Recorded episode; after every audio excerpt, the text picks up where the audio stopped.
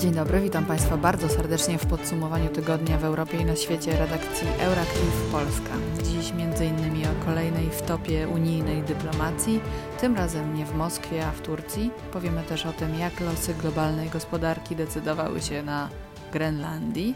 Powiemy też o ukłonie Emmanuela Macrona w stronę populizmu w postaci zamknięcia prestiżowej kuźni Cadre École Nationale d'Administration, w skrócie ENA, po polsku brzmi mniej majestatycznie jako Krajowa Szkoła Administracji. Ja nazywam się Karolina Zbytniewska, jestem redaktor naczelną Euractiv.pl, a wraz ze mną w wirtualnym studio redaktor Mateusz Kucharczyk. Wydawczynią jest dziś Joanna Jakubowska, a realizatorami Martyna Kąpała i Mikołaj Stępień. Nim jednak przejdziemy do Sofa Gate, czyli niezwykle interesujących dywagacji dyplomatyczno-meblarskich w duchu ustawień Hellingera, skrót informacji. I tak, prezydent Ukrainy Wołodymyr Zełęński zadeklarował 6 kwietnia, że przystąpienie jego kraju do NATO jest jedyną drogą do zakończenia konfliktu w Donbasie. Również Litwa wyraziła wolę pogłębienia współpracy NATO z Ukrainą. Tymczasem rzeczniczka prasowa Białego Domu Jen Psaki stwierdziła, że że administracja Bidena popiera starania Ukrainy, aby dołączyć do sojuszu, jednak decyzja zależy od wszystkich członków NATO. Oczywiście deklarację Zełęńskiego szybko skrytykowała Moskwa, a co dalej zobaczymy. Zostając przy wschodzie Europy, Władimir Putin podpisał ustawę pozwalającą mu ubiegać się o jeszcze dwie kolejne kadencje na stanowisku prezydenta Rosji po zakończeniu obecnej w roku 2024. Z pierwszego dnia работы w качестве prezydenta Rosyjskiej Federacji ja dla siebie сразу решил, że ja nie będę naruszać действующую konstytucję. W ten sposób może pozostać u władzy do 2036 roku, tym samym zostałby najdłużej urzędującym przywódcą Rosji od czasów Piotra Wielkiego, wyprzedzając Józefa Stalina. Teraz e, przenieśmy się na Bałkany, do Kosowa. Od zeszłej niedzieli Kosowo ma bowiem nową prezydentkę. Wiosa Osmani zastępuje na tym stanowisku sądzonego w Hadze za zbrodnie wojenne Hashima Tachiego. Nowa szefowa państwa, zwolenniczka prozachodniego kursu, wezwała w ekspoze do dialogu. Kosowa një herë një presidente grua, për të gjitha vajzat e vogla që mund të jenë duke na shikuar në këto momente. Mającego na celu normalizację relacji z Serbią, ale podkreśliła, że Belgrad musi najpierw przeprosić za zbrodnie wojenne popełnione podczas wojny w latach 1998-99 i oskarżyć osoby za nieodpowiedzialne. Coś osobiście czarno to widzę, patrząc jak rozgrywają się te relacje serbsko-kosowskie póki co, ale pożyjemy, zobaczymy. No i mimo, że najważniejszym tematem, jak wynikałoby z europejskiej prasy, jest dziś wciąż unijno-turecka Sofagate, w ramach niespiesznego dawkowania państwu przyjemności zaczniemy jednak nie od ustawienia mebli i onomatopei Ursuli von der Leyen, ale od Grenlandii, gdzie kto by się spodziewał, dzieją się rzeczy naprawdę wiekopomne. Mateuszu, 56-tysięczna wyspa, a decydują się tam losy globalnej gospodarki. Jakim cudem?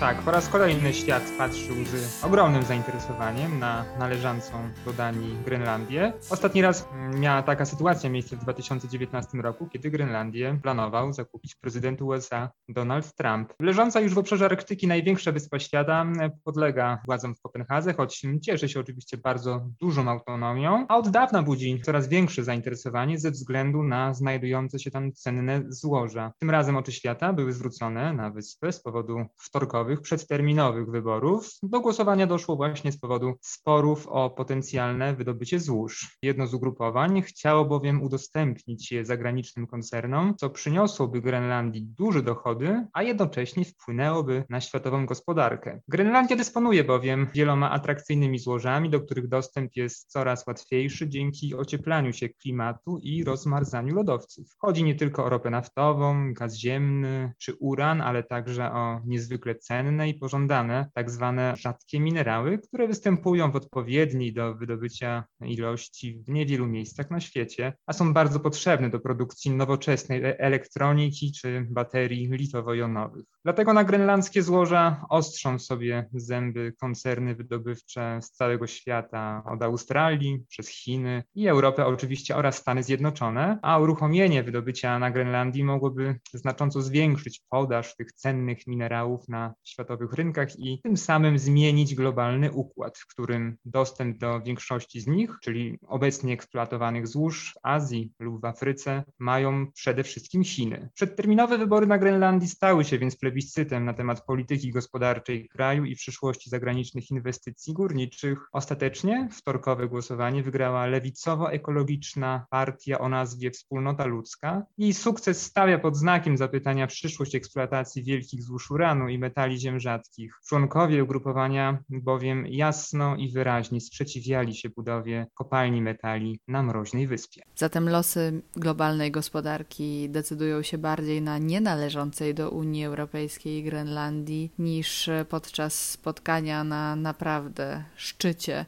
między Unią Europejską a Turcją, o którym więcej powiem teraz, zgodnie z obietnicą. I tak, we wtorek odbyło się spotkanie przewodniczącej Komisji Europejskiej Ursuli von der Leyen i szefa Rady Europejskiej Charlesa Michela z prezydentem Turcji Recepem Tayyipem Erdoganem w Ankarze. Po wejściu do sali, gdzie odbywać się miały rozmowy i odbyły się rozmowy na temat relacji Unii Europejskiej z Turcją, okazało się, że dla przewodniczącej komisji nie przygotowano miejsca obok dwójki pozostałych rozmówców, tylko na stojącej nieco dalej Sofię. Wprawdzie stanowisko szefa Rady Europejskiej jest protokolarnie wyżej od stanowiska przewodniczącej Komisji Europejskiej, jeśli chodzi o relacje pozaunijne, jednak w podobnych sytuacjach, gdy na przykład turecki przywódca przybył do Brukseli na rozmowy z szefami Komisji Europejskiej i Rady Europejskiej, na sali były trzy, nie dwa krzesła. Jednak, jak podkreślił rzecznik Komisji Europejskiej Eric Mamer, za granicą, gdy przewodnicząca Komisji Europejskiej jest podejmowana, powinno to następować w taki sam sposób, jak z szefem Rady Europejskiej.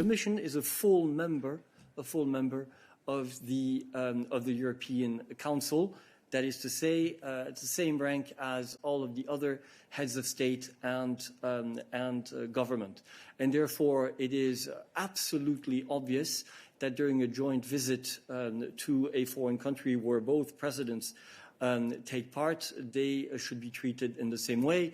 And this is uh, um, Media szybko wychwyciły zdziwienie szefowej komisji w związku z zaistniałą sytuacją. Gdy Charles Michel rozsiadł się wygodnie w fotelu i rozprostował wesoło nogi, ona, stojąc, powiedziała tylko z konsternacją um.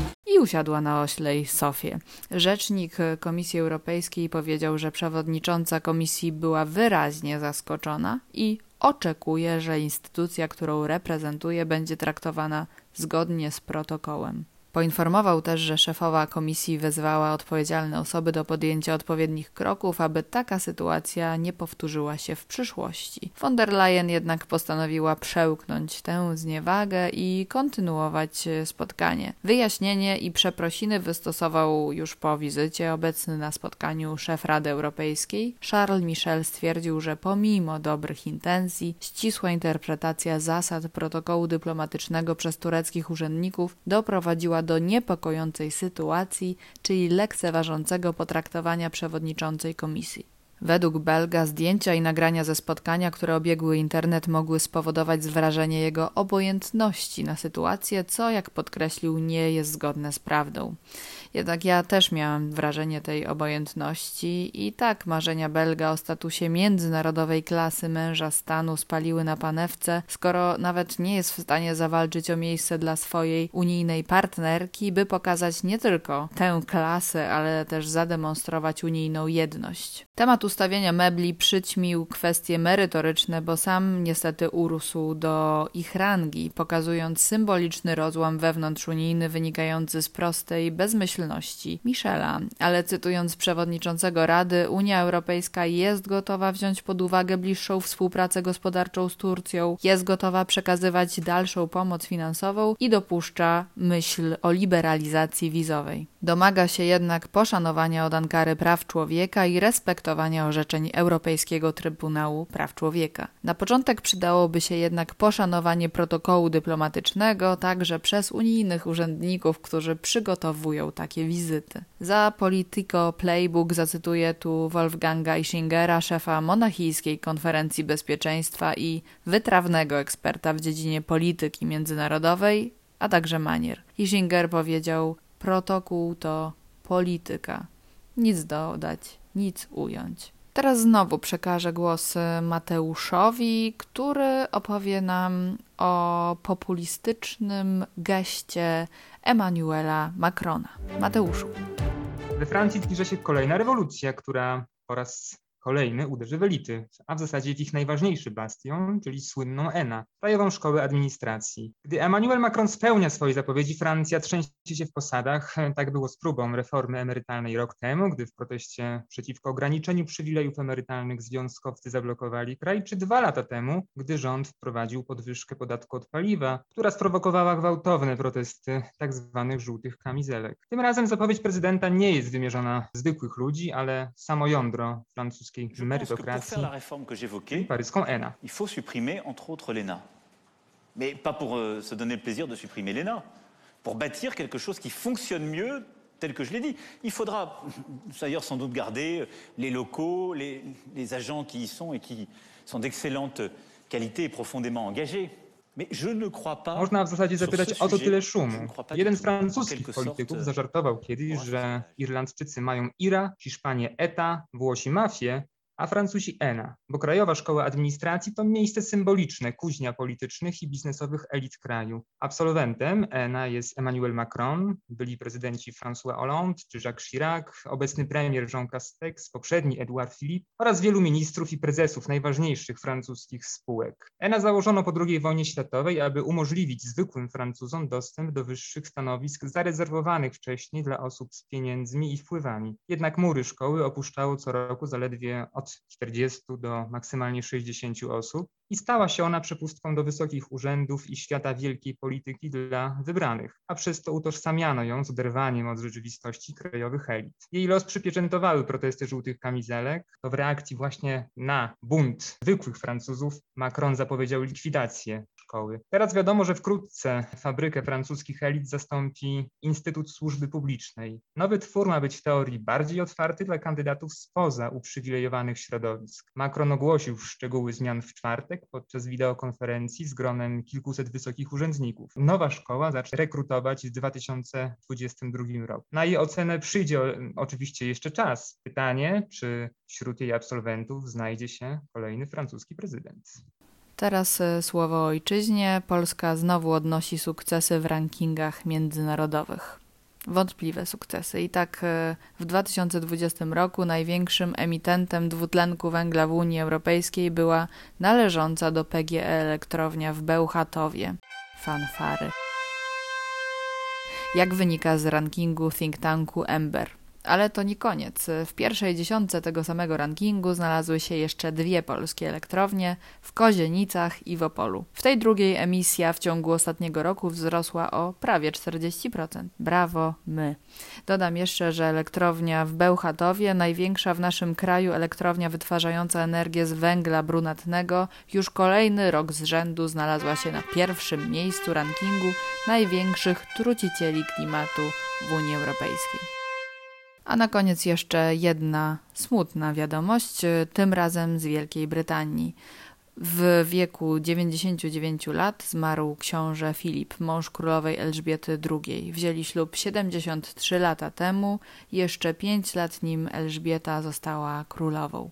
Para miała piątkę dzieci, ośmioro wnucząt i dziesięcioro prawnuków. Tym smutnym akcentem dziś e, zakończymy podsumowanie tygodnia redakcji Euractiv Polska. Zachęcamy do subskrypcji naszego kanału podcastowego na Spotify SoundCloudzie, Apple Podcast, Google Podcast, gdzie Państwu najwygodniej.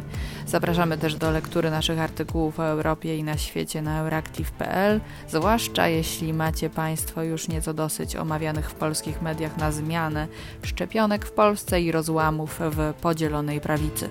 Na świecie dzieje się bowiem znacznie więcej, a tymczasem życzę Państwu miłego weekendu i do usłyszenia w podsumowaniu tygodnia za tydzień.